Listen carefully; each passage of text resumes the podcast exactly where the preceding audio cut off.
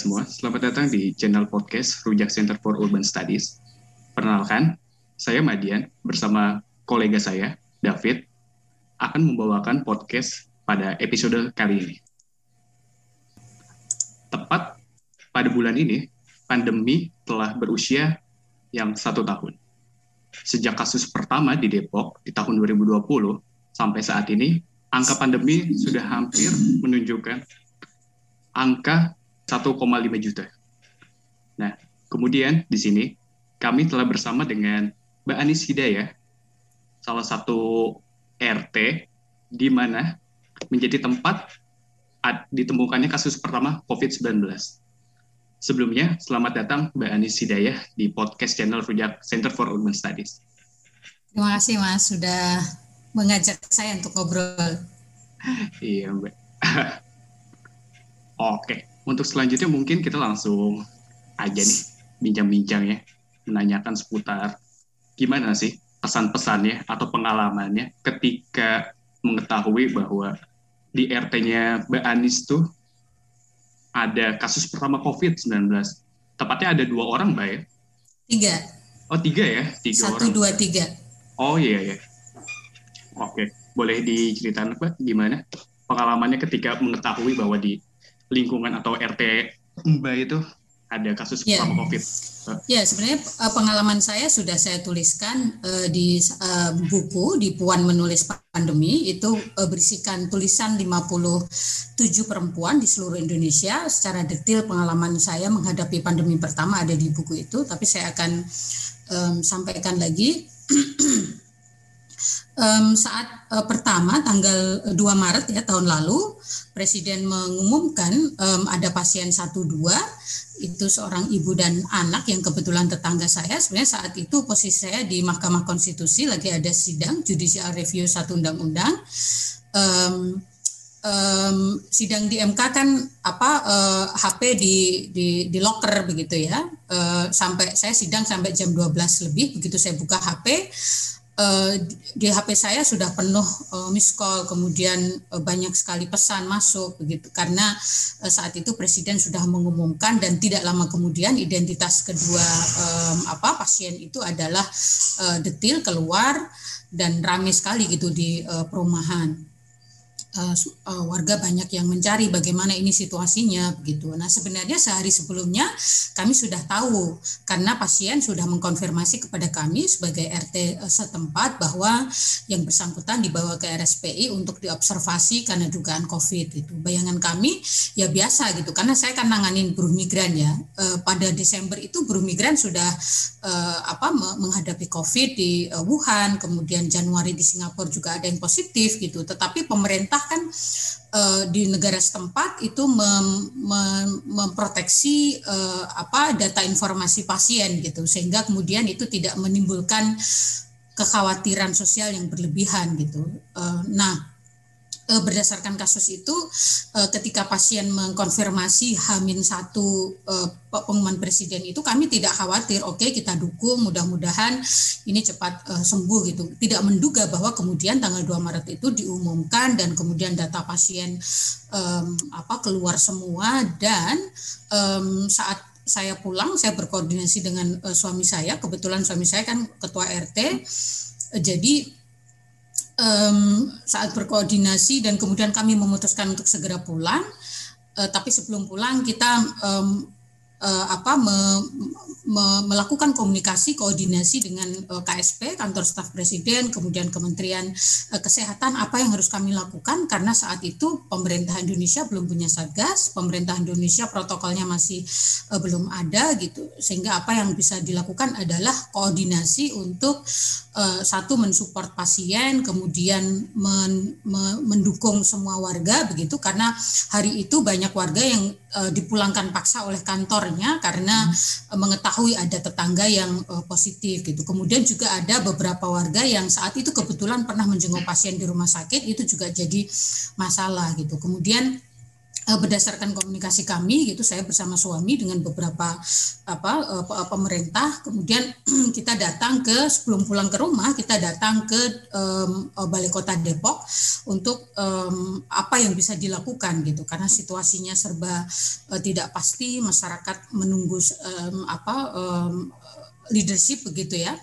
Kemudian koordinasi dengan uh, dinas wali kota tidak menemui karena katanya sedang koordinasi dengan gubernur yang datang hari itu katanya eh, kemudian kita eh, tersambung dengan eh, kepala dinas informasi dan komunikasi di Depok. Kebetulan memang ada warga kami yang juga bekerja di balai kota Depok gitu. Sehingga kemudian disepakati nanti akan ada apa himbauan kepada warga untuk tetap tenang, menggunakan masker, mencuci tangan, mengkonsumsi vitamin, dan e, malam itu katanya akan ada e, tim gegana yang akan melakukan disinfektan gitu. Nah kemudian kami pulang.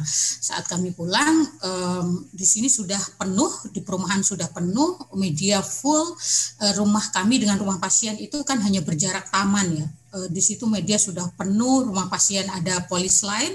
Kita juga bingung kenapa rumah pasien ada polis lain.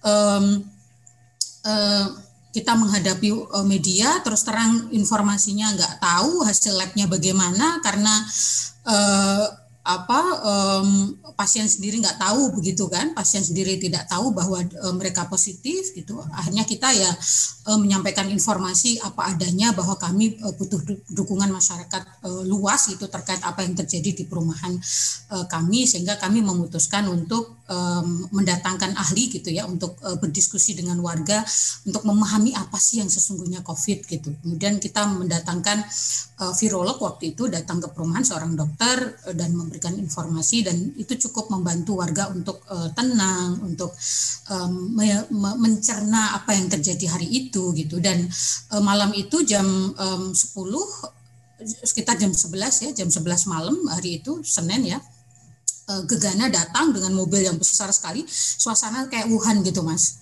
Warga nggak boleh keluar, suaranya yang nguing-nguing itu luar biasa okay. begitu menyemprot uh, rumah uh, pasien. Kemudian uh, kita protes, polis lain mohon uh, dicabut gitu karena ini bukan kriminal ya, uh, pasien itu bukan kriminal sehingga hari itu polis lain uh, dicabut dan um, komunikasi di WAG warga cukup uh, dinamis gitu ya tentang kebingungan, keresahan, ketakutan dan macam-macam gitu. Tetapi prinsipnya kita mengarahkan bagaimana kita tidak menghakimi pasien karena narasi yang berkembang di luar gitu ya karena uh, profesi mereka adalah penari itu kemudian di um, apa di, di stigma yang luar biasa gitu. Nah itu yang kita rawat di sini gitu modal sosial uh, kita kita manfaatkan agar kita mendukung pasien, kita saling uh, kuat gitu dan mereka yang pernah menjenguk itu juga dapat um, apa dapat um, apa um, um, pelayanan kesehatan yang um, memadai gitu. Hari itu sampai jam 2 rumah saya uh, penuh um, militer, struktur pemerintah dari atas sampai bawah saya nggak bisa ngenalin lagi uh, dan jam 2 pagi ketika semua sudah selesai anak saya dua-duanya panas uh, kami hanya saling pandang waktu itu dengan suami bingung uh, mungkin juga covid ya kalau di uh, tes gitu ya mungkin gitu.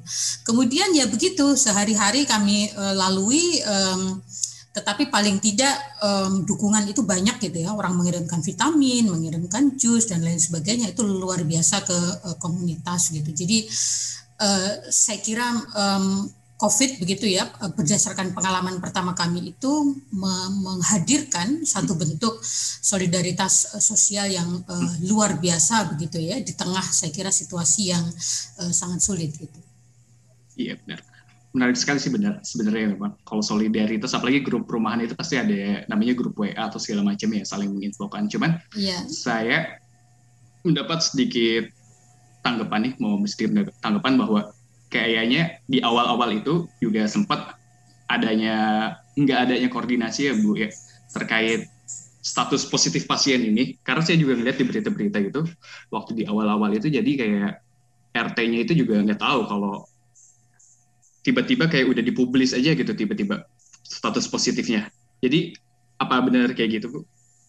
Bukan hanya RT-nya, pasiennya tidak tahu kalau yang bersangkutan adalah positif gitu. Tidak pernah dikasih tahu sebelumnya bahwa memang positif gitu. Karena yang disampaikan kali itu kan diobservasi untuk dilihat apakah COVID atau tidak gitu. Karena putri beliau kebetulan bertemu dengan di satu acara gitu dengan orang uh, Jepang yang uh, kemudian um, yang bersangkutan positif gitu. Jadi karena lingkar itulah kemudian pemerintah menetapkan ini perlu diobservasi gitu. Tetapi dalam proses yang hanya sehari katanya observasi tiba-tiba diumumkan positif itu juga mencengang, mencengangkan kami semua apalagi tidak pernah lihat hasil labnya segala macam gitu. Itu kan membuat uh, semua dalam kondisi yang bingung apa benar gitu, um, gejalanya seperti apa dan lain sebagainya gitu. Jadi ya itu uh, dan sampai sekarang itu kan terjadi gitu. Iya. Yeah.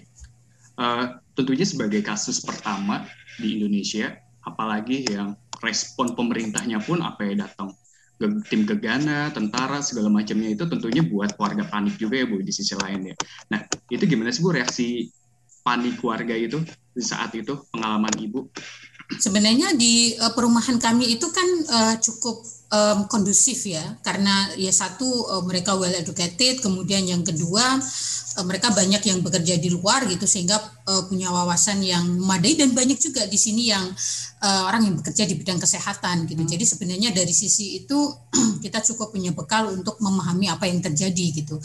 Tetapi karena pemerintah sendiri um, saya kira gagal memproduksi pengetahuan tentang COVID yang komprehensif untuk masyarakat gitu. Untuk aparatnya sendiri saja kan juga uh, membingungkan gitu. Bagaimana Menteri Kesehatan kala itu yang sudah diganti ya itu menyampaikan ini cuman flu biasa nggak usah khawatir dan lain sebagainya. Bagaimana bisa mengatakan itu flu biasa tetapi kita setahun dalam situasi yang berlarut-larut seperti ini gitu. Jadi um, menurut saya apa ya um, ada um, missing dalam um, distribusi informasi pengetahuan tentang uh, COVID kepada masyarakat sehingga itu berpengaruh pada protokolornya, kemudian uh, penanganan statement-statement yang dikeluarkan oleh uh, pemerintah gitu. Di awal-awal kami juga mengkritik statement-statement um, itu gitu. Dan bahkan juga kami mengkritik um, salah satu acara TV juga waktu itu yang uh, menurut kami itu sangat stigmatif terhadap perumahan kami yang dikatakan uh, apa um, eksklusif, tidak saling kenal, uh, macam-macam gitu. Padahal itu sebenarnya tidak tidak nggak nggak seperti itu gitu. Kami kami interaktif dan banyak uh, meskipun banyak Eh, mayoritas warga bekerja, tetapi kami kan punya komunitas berkebun organik ya, sehingga itu kemudian juga jadi salah satu apa eh, benang merah bagaimana kami um, acap kali bertemu uh, secara berkelompok gitu an antar tetangga gitu ya untuk uh, berbagi gitu, berbagi kabar, berbagi macam-macam gitu. Ada grup arisan, ada grup pengajian, juga ada um, beragam apa kegiatan olahraga bareng dan lain sebagainya gitu sehingga sebenarnya dari sisi um, apa hubungan sosial itu uh, nyaris dinamikanya bagus gitu antar uh, tetangga di sini gitu. Jadi memang ada relasi atau interaksi yang saling mensupport juga ya Bu ya. Walaupun ada stigma emang orang perumahan kadang suka dianggap kayak gitu padahal mah enggak sama sekali Bu ya. Nah, iya. cuman yang menarik nih Bu, kan Ibu sebagai yang lingkungannya gitu yang pertama kali tentunya lebih tahu pengalamannya gimana. Ada yang misinformasi segala macamnya yang bisa yang bisa menimbulkan stigma-stigma macam-macam itu. Nah berkaca dari pertama kali munculnya status COVID di lingkungan ibu sendiri. Nah ibu melihat kondisi saat ini itu apa masih banyak gak sih bu informasi-informasi yang dianggap salah lah segala macam dan yang bisa menimbulkan stigma segala macamnya itu menurut ibu gimana sih bu? Um, masih banyak ya, bahkan pasien uh, 1, 2, 3 itu sampai hari ini masih di stigma macam-macam gitu di sosial media gitu ya, uh, terkait dengan situasi COVID sampai hari ini. Bahkan timnas kita yang kemarin gagal All England pun itu menyebut pasien 1, 2, 3 gitu, gara-gara kalian tim All England nggak bisa main gitu. Jadi uh, betapa um, situasi yang ini merupakan pandemi global, masyarakat kita itu masih sangat terbatas pengetahuannya. Bagaimana proses uh, pandemi, bagaimana um, ini terjadi terjadi di semua negara, tetapi masih menghakimi um, satu dua orang uh, pasien yang itu kebetulan merupakan pasien uh, pertama, itu kan um, ada yang salah gitu dalam pengelolaan dan penanganan uh, COVID di negara kita gitu. Meskipun kita tidak bisa memang memaksakan semua orang punya pandangan yang saling menghormati, saling menghargai, saling uh, mendukung gitu. Tetapi menurut saya uh, yang paling fatal adalah soal uh, pengelolaan informasi dan pengetahuan gitu. Misalnya sampai hari ini yang diumumkan oleh Satgas itu kan masih angka. Hari ini sekian, hari ini sekian gitu. Padahal setiap angka itu punya cerita dan pembelajaran yang berbeda gitu. Mestinya sudah sejauh ini pemerintah itu sudah punya hasil kajian yang komprehensif tentang um, bagaimana tren COVID di Indonesia, bagaimana pola masyarakat menghadapi, bagaimana tren di daerah ini, bagaimana tren di daerah itu, bagaimana ini itu dan lain sebagainya gitu. Apalagi tim uh, peneliti di sini juga uh, banyak gitu. Tetapi sampai hari ini kan kita masih gagap gitu ya. Apalagi sekarang misalnya um, katanya ada yang jenis baru, kemudian menstigma lagi buruh migran yang datang dari Arab Saudi ditemukan di Karawang dan lain sebagainya gitu. Menurut saya tidak ada gunanya kita menjudge, uh, menghakimi um, orang yang uh, belum tentu itu sebagai pembawa virus, tetapi sebagai um, pembawa virus begitu ya. Lebih baik bagaimana kemudian pemerintah mensolidkan um, situasi uh, masyarakat gitu. Jadi menurut saya satu itu soal disinformasi tentang uh, pengelolaan informasi pengetahuan gitu. Yang kedua adalah menurut saya um, masyarakat itu jauh lebih maju um, solidaritas, inovasi dan um, um, apa ya pola-pola um, respon gitu ya terhadap COVID gitu. Misalnya kita punya lapor COVID, kita punya dapur umum di banyak sekali daerah yang digerakkan oleh aktivis uh, perempuan, aktivis organisasi masyarakat sipil. Uh, kita punya gerakan solidaritas di banyak tempat. Kita bisa itu luar biasa. Uh, Mata Najwa misalnya juga menginisiasi banyak hal gitu. Jadi sebenarnya inisiatif-inisiatif um, inovasi yang muncul itu kalau saja pemerintah memberikan rekognisi terhadap itu kemudian merangkai sebagai bentuk dari um, apa solidaritas publik yang menguat itu sebenarnya jadi modalitas penting untuk menghadapi COVID secara bersama-sama dengan pemerintah. Sayangnya itu bahkan tidak pernah dinotis oleh uh, presiden gitu. Nah yang terakhir catatan saya adalah bahwa soal perspektif perempuan menurut saya kurang um, um, optimal dalam penanganan COVID ini. Pertama pertama um, Kementerian Pemberdayaan Perempuan sangat terlambat diintegrasikan di dalam Satgas Covid. Yang kedua uh, banyak sekali um, apa um, um, dokter kemudian perawat uh, perempuan yang uh, mereka memiliki kerentanan dari sisi reproduksi karena sedang hamil, menstruasi dan lain sebagainya itu mestinya ada kebijakan afirmasi untuk tidak menangani pasien dan lain sebagainya gitu ya. Tetapi itu masih masih menangani. Kemudian juga semasa pandemi berdasarkan data Komnas Perempuan itu KDRT meningkat sampai 17 persen. Gitu. Jadi sebenarnya ada uh, titik krusial menurut saya yang um, ini mestinya um, bisa di uh, bisa diantisipasi oleh pemerintah jauh-jauh um, hari gitu. Iya, menarik menarik. Jadi sebenarnya peran pemerintah ini bisa dikatakan masih belum optimal bu ya. Nah, pada kasus pertama sendiri bu atau di awal-awal masa pandemi itu, apakah peran pemerintah kota khususnya atau pemerintah pusat itu optimal bu di tingkat RT ibu. Karena kan bisa dikatakan tadi pas di awal itu ibu bilang bahwa lebih saya nangkapnya lebih banyak inisiatif masyarakat situ sih masyarakat perumahan ibu.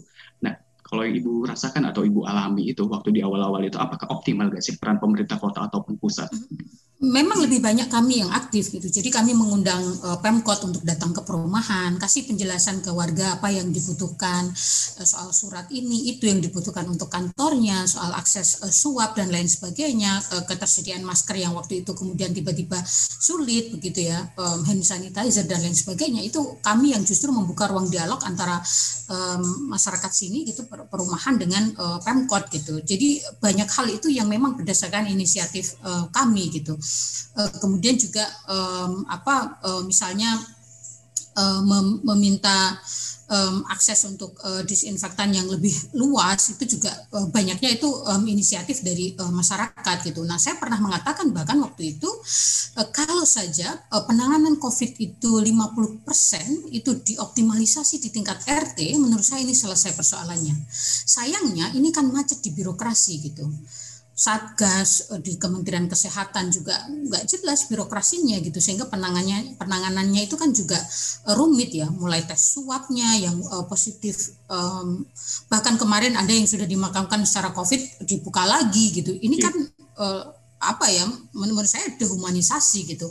Orang yang sudah meninggal itu kan puncak eh, penghargaan terhadap manusia yang paling tinggi gitu. Sehingga menurut saya ini ini insiden yang menurut saya tidak perlu uh, terjadi gitu. Jadi uh, ya memang benar gitu. Inisiatif itu banyak muncul dari masyarakat. Bukan berarti pemerintah tidak melakukan apa-apa gitu. Tetapi ada beberapa hal yang memang um, um, apa ya perlu pembenahan yang signifikan gitu.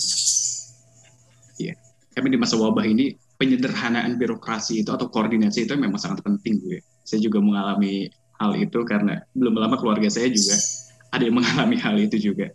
Nah, dari Mas David sendiri gimana Mas? Halo Bu, uh, jadi memang menarik ya tadi kita lihat uh, bagaimana uh, pandemi ini justru malah melahirkan stigmatisasi gitu ya. Nah, yeah. ini mungkin juga jadi satu problem ya di yang terjadi di masyarakat kita saat ini. Nah, tadi ada cerita menarik Bu bahwa um, kan ada proses satu proses identifikasi uh, kasus ya. Artinya uh, yang terjadi pada saat itu memang salah satu warga itu memang sedang sakit atau atau seperti apa kemudian Bu yang kemudian itu uh, menimbulkan satu proses identifikasi gitu loh. Oh, proses pertamanya ya. Jadi pertamanya um, pasien 123 itu satu rumah satu keluarga ya, ibu dua anak memang sedang sakit gitu. Jadi um, ibunya itu tipes, kemudian putrinya itu um, apa ya ada infeksi paru. Kemudian anaknya yang lain itu memang demam karena baru pulang dari um, Amerika. Memang um, kerjanya di sana kebetulan saja lagi uh, pulang gitu. Nah, um, karena sakit maka uh, dirawat gitu. Dirawat di rumah sakit uh, dekat uh, rumah karena tipes yang satu karena radang paru.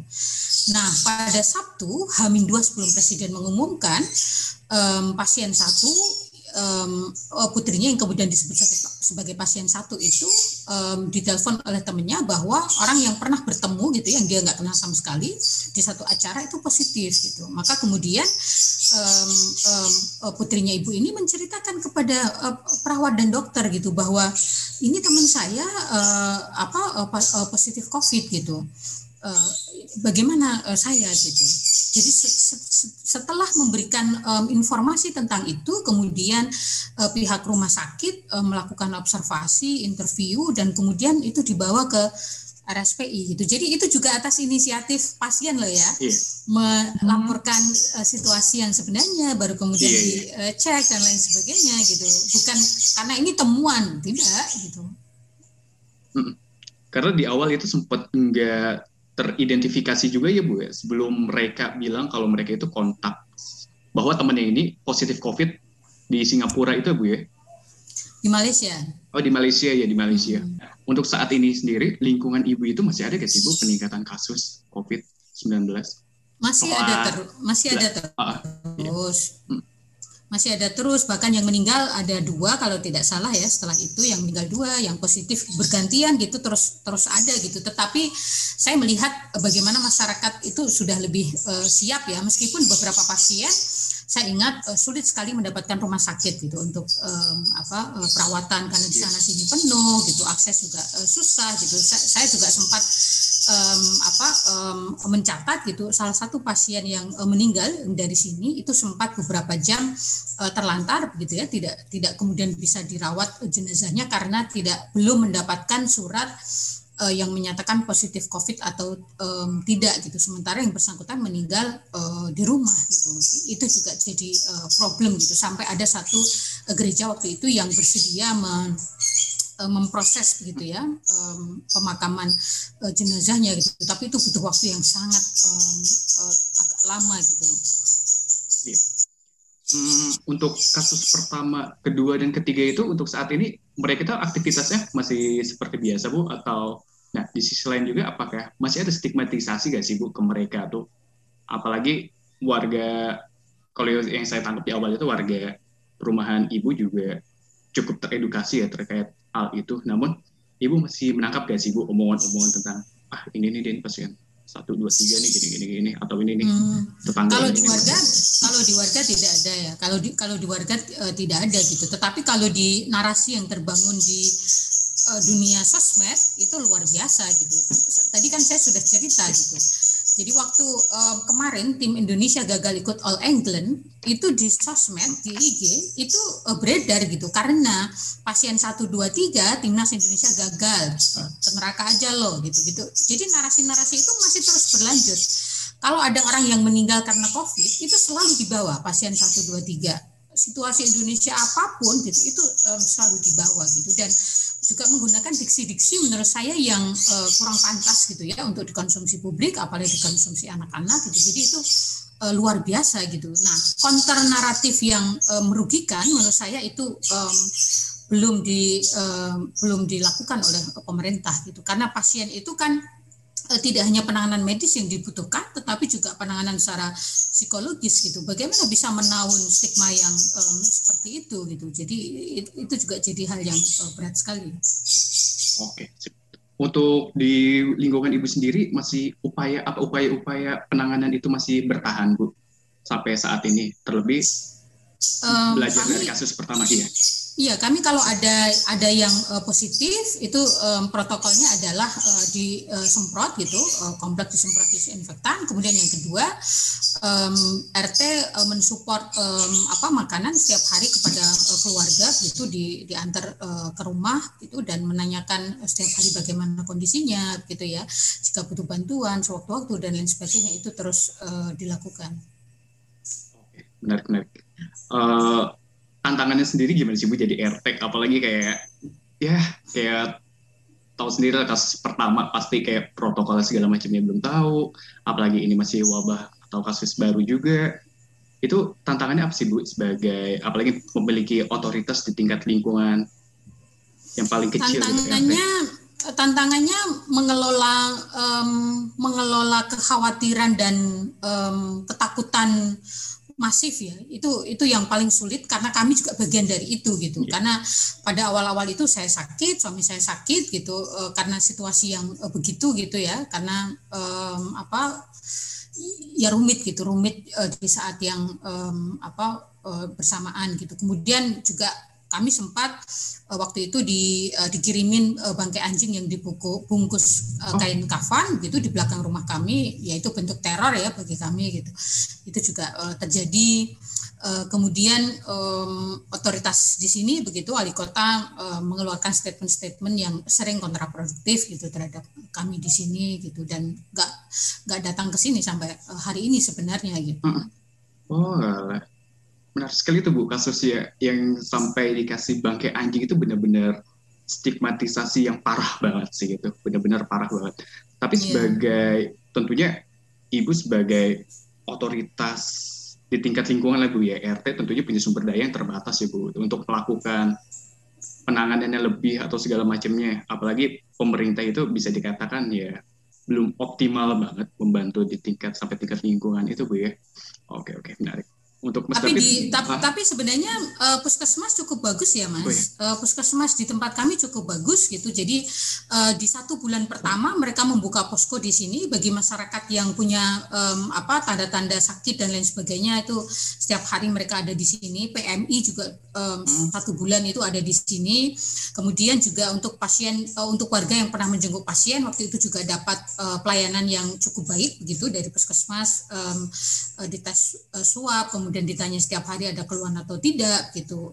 Dan secara reguler sampai waktu tertentu gitu ya sampai dua minggu kalau nggak salah mereka juga dapat layanan gitu dari dapat vitamin dapat layanan gitu dari puskesmas gitu. Jadi sebenarnya infrastruktur Eh, kesehatannya cukup uh, baik begitu ya bagaimana memberikan dukungan kepada yeah. kami sehingga ketika pasien di sini sudah sembuh warga kemudian membentuk uh, solidaritas uh, publik ya jadi kita bikin dapur umum kita uh, bikin makan siang untuk uh, perawat di beberapa rumah sakit oh, di Depok okay. untuk PMI untuk uh, puskesmas gitu dan itu secara sukarela di, dilakukan oleh warga gitu. Apakah itu masih bertahan sampai sekarang Bu solidaritas oh, itu? Oh enggak, okay. enggak sampai sekarang. Oh enggak sampai sekarang. Oh, oh iya. Itu kenapa tuh Bu nggak bisa eh nggak berlanjut lagi Bu atau nggak sustain Bu? Ya soal keterbatasan uh, resource kami ya, jadi um, itu bentuk quick respon kami terhadap situasi darurat uh, saat hmm, itu. Iya. Gitu. Hmm, itu berapa lama bu? Waktu. Berapa lama ya? Mungkin uh, dua bulan mungkin ya mas, mungkin hmm. uh, dua bulan gitu. Jadi ke PMI, yeah. ke rumah sakit, uh, ke puskesmas, ke hmm. apa um, masyarakat apa tukang ojol, um, pedagang lewat dan lain sebagainya itu kami iya. sediakan yeah. makan siang, jus, vitamin gitu. Yeah. Memang tantangan dari inisiatif bersama solidaritas itu terkait keberlanjutan sih Bu ya memang karena Betul. setiap karena memang setiap orang itu pasti punya kesibukan masing-masing juga punya yeah, waktu yeah, yang yeah. yang tersita nggak cuma di situ doang juga ada kehidupan Betul. keluarga mereka yang yeah. harus dihidupi juga memang tantangan setiap solidaritas sih memang seperti itu untuk Mas David gimana? Iya, jadi cukup menarik juga sih. Jadi memang kalau kita lihat kan, uh, jangankan di awal pandemi ya, mungkin di tengah perjalanan sebelum anniversary juga masih banyak tantangan-tantangan di level pemerintah gitu ya. Ya mungkin dari skala tes yang mungkin nggak muncul-muncul, tapi si orang ini udah ke mana-mana, ternyata hasilnya positif. Betul. jadi jadi banyak banget cerita menarik sebenarnya dan dan ditambah dari narasi yang ada uh, dari Ibu Anisia Daya juga memang menambah menambah uh, apa namanya narasi yang ada sebenarnya gitu ya dan dan apa kalau pada dasarnya waktu pada saat uh, kejadian itu memang dari narasi yang ada tadi kan uh, seolah-olah udah, udah dilengkapi gitu gue ya uh, apa namanya fasilitas-fasilitas yang kemudian uh, ini adalah upaya untuk uh, virus tidak menyebar lagi dan lainnya proses antisipasi gitu ya.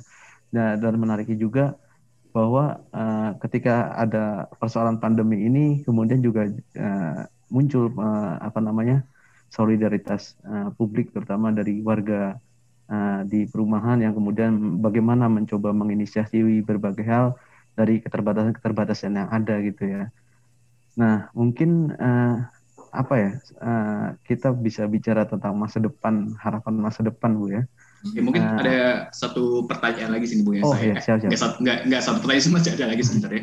Iya. Yang saya pikirin dari tadi itu, apalagi sebagai lingkungan kasus pertama yang tentunya belajar dari awal juga di era pandemi apalagi di awal-awal itu ya masih adanya ketid masih adanya penyelewengan juga dari pemerintah atau pejabat pemerintah yang bilang ah covid ini nggak apa-apa ah masyarakat Indonesia ini kuat kok makan nasi kucing dia mereka mereka ini nah untuk saat ini tuh Ibu merasakan nggak sih Bu efek dari adanya pandemi ini perubahan apa misalkan dari segi interaksi sosialnya lah tentu pasti ada kan ya sedikit atau dari segi ekonomi atau dari bahkan dari segi pemerintahan lah dari aspek pemerintahan itu yang Ibu alami itu gimana sih Bu dari lingkungan Ibu sendiri perubahan seperti apa yang terjadi?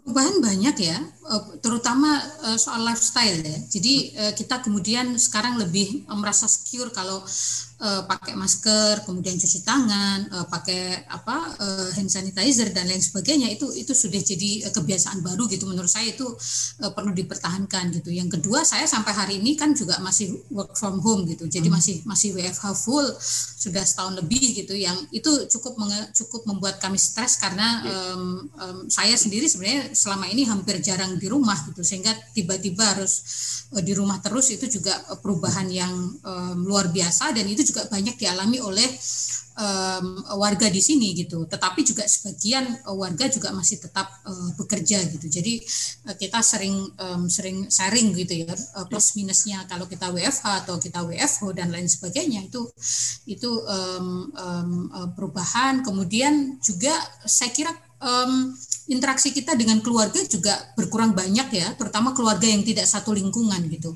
Kita nggak bisa mudik, kita nggak bisa main, relasi pertemanan juga um, agak terganggu gitu karena um, semuanya harus kemudian berubah jadi digital gitu ya. Um, semua pekerjaan uh, lewat Zoom, lewat um, online gitu. Jadi menurut saya ini ada ada perubahan, ada transformasi um, peradaban manusia baru yang uh, dilahirkan oleh COVID gitu. Jadi ya ada nih ada ada sisi positif, tetapi juga negatifnya banyak ya. E, misalnya ekonomi perekonomian kita bangkrut ya, banyak orang yang kehilangan pekerjaan, um, orang yang tetap bekerja tidak digaji itu kan juga luar biasa banyaknya. Uh, kemudian um, akses-akses uh, macam-macam banyak yang sangat terbatas dan kita khawatir uh, pergi dan lain sebagainya itu itu kan juga uh, dampak dari um, dampak negatif yang uh, dirasakan sampai uh, hari ini gitu. Terutama um, adalah juga anak-anak sekolah gitu. Anak saya sempat mengalami um, stres gitu kapan masuk gitu dan uh, capek dengan model uh, sekolah online begitu ya. Uh, yang itu juga mempengaruhi uh, apa ya daya daya kreativitas dan um, apa ya uh, kehidupan sehari-hari anak gitu. Karena uh, tidak terbiasa gitu. Karena hmm ada kebiasaan baru. Oke oke oke. Nih terkait perubahan itu pasti kan ada yang mengarah ke hal yang negatif juga, misalnya kayak pengangguran segala macamnya. Tentunya dari atau bahkan situasi pandemi itu bisa dikatakan situasi transisi ya, yang di mana proses transisinya ini kita bisa belajar lah, misalkan belajar dari kasus dari Orde Baru ke era reformasi tentunya banyak pelajaran yang diambil. Nah, di era transisi atau perubahan ini menuju perubahan yang baru ini ada nggak sih harapan-harapan ibu? Apalagi harapan ibu di lingkungan ibu misalkan dari segi vaskes lah transportasi pemerintahan ekonomi sosial segala macam itu. Apa sih harapan ibu ke depannya? Eh, menurut saya apa yang paling penting ke depan adalah um, mengembalikan um, apa ya meng mengembalikan uh, perekonomian uh, masyarakat yang uh, dulu memang sulit gitu ya tetapi pasca pandemi ini makin sulit gitu. Orang makin sulit uh, mencari um, kehidupan gitu ya karena kehilangan pekerjaan dan lain sebagainya gitu. Nah ini ini yang yang tidak mudah gitu. Apalagi misalnya uh, kemarin pada masa pandemi uh, pemerintah menerbitkan undang-undang cipta kerja yang itu juga banyak uh, sisi negatifnya gitu ya karena uh, saya uh, kantor saya juga mengajukan judicial review gitu ke, uh, ke MK karena bagi buruh itu uh, banyak ruginya gitu. Jadi PR pemerintah berat sekali untuk mengembalikan perekonomian, kemudian juga bagaimana mengembalikan pola-pola interaksi sosial gitu. Karena setahun kita ada pada masa um, transisi baru yang itu ber, berbeda sama sekali gitu. Bagaimana besok era new normal kita uh, tidak tahu dan tadi saya sudah uh, juga uh, baca nah. Lebaran um, bulan depan kita nggak bisa pulang lagi kan, nggak boleh mudik lagi. Iya, gitu. Padahal mudik. padahal mudik itu kan salah satu uh, momentum untuk perba, uh, penggerakan um, ekonomi gitu ya, baik secara nasional maupun di tingkat lokal gitu. Artinya um, ya kita nggak tahu bagaimana pemerintah mau membenahi dari mananya kita juga tahu nggak tahu gitu. Saya bukan yeah. ahli ekonom. Iya yeah, yeah, yeah. halo. Iya jadi memang uh, menarik juga kalau terkait uh, tahu apa bulan besok ini tidak boleh mudik.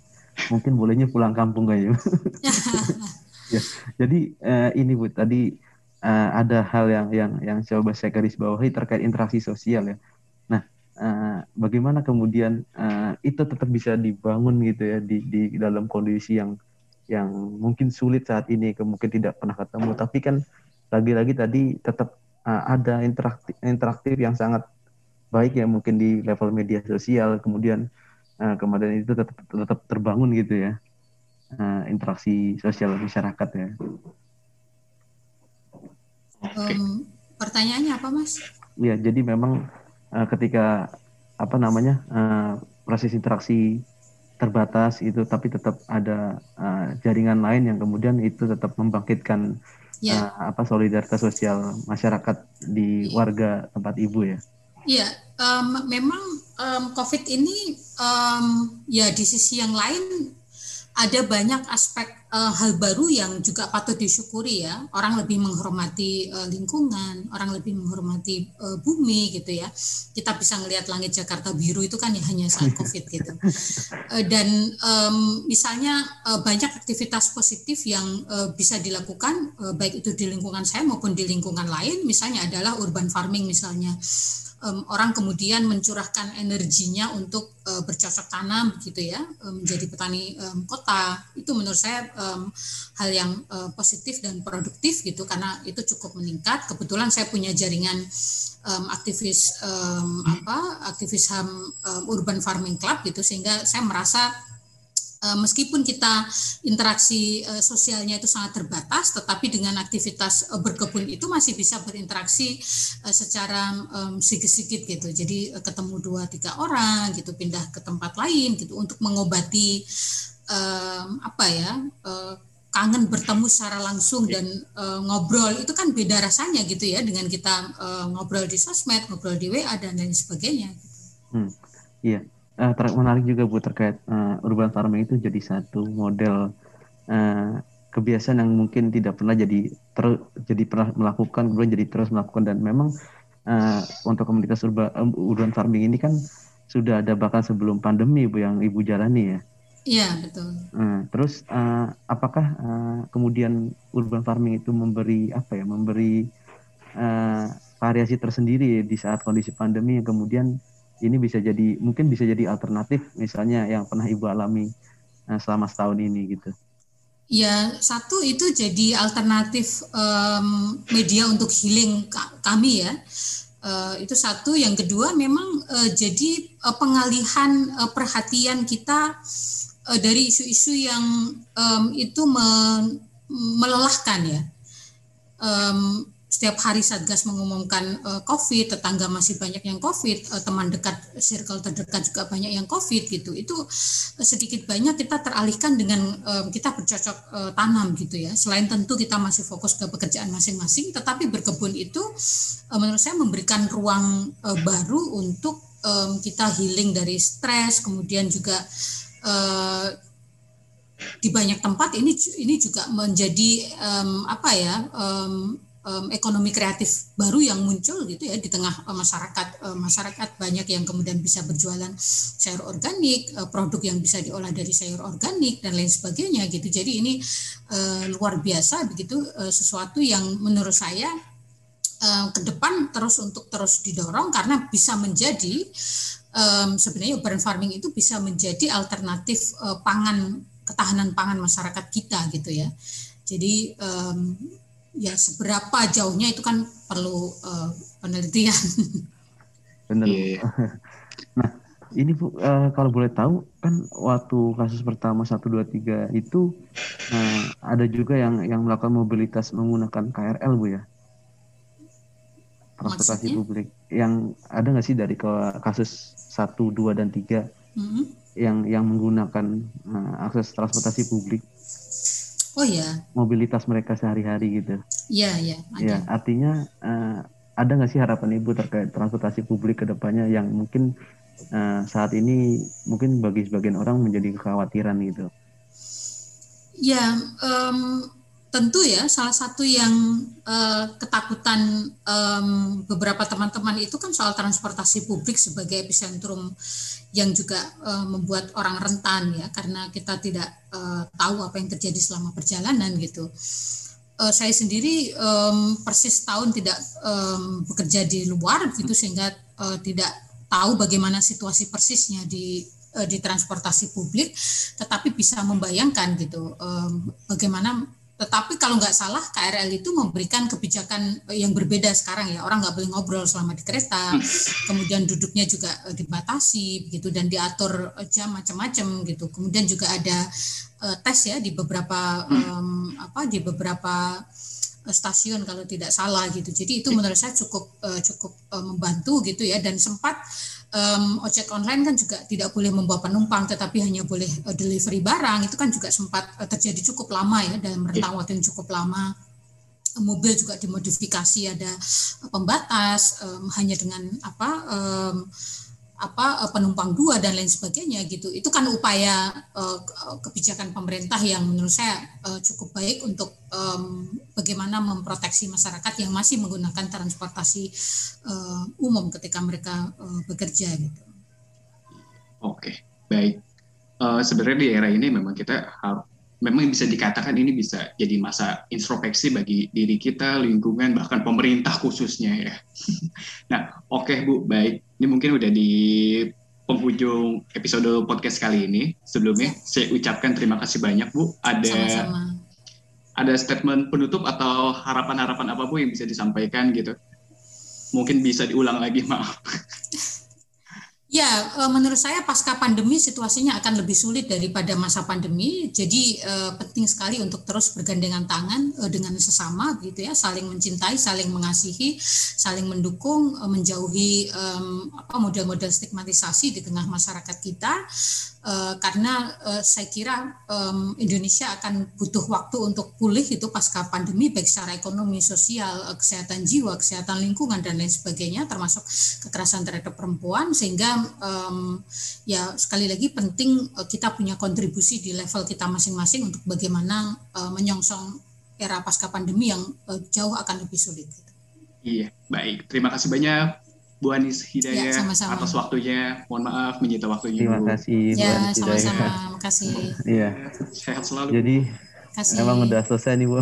Ya, Mas. bisa dipotong. Sekian episode podcast pada kali ini. Bye.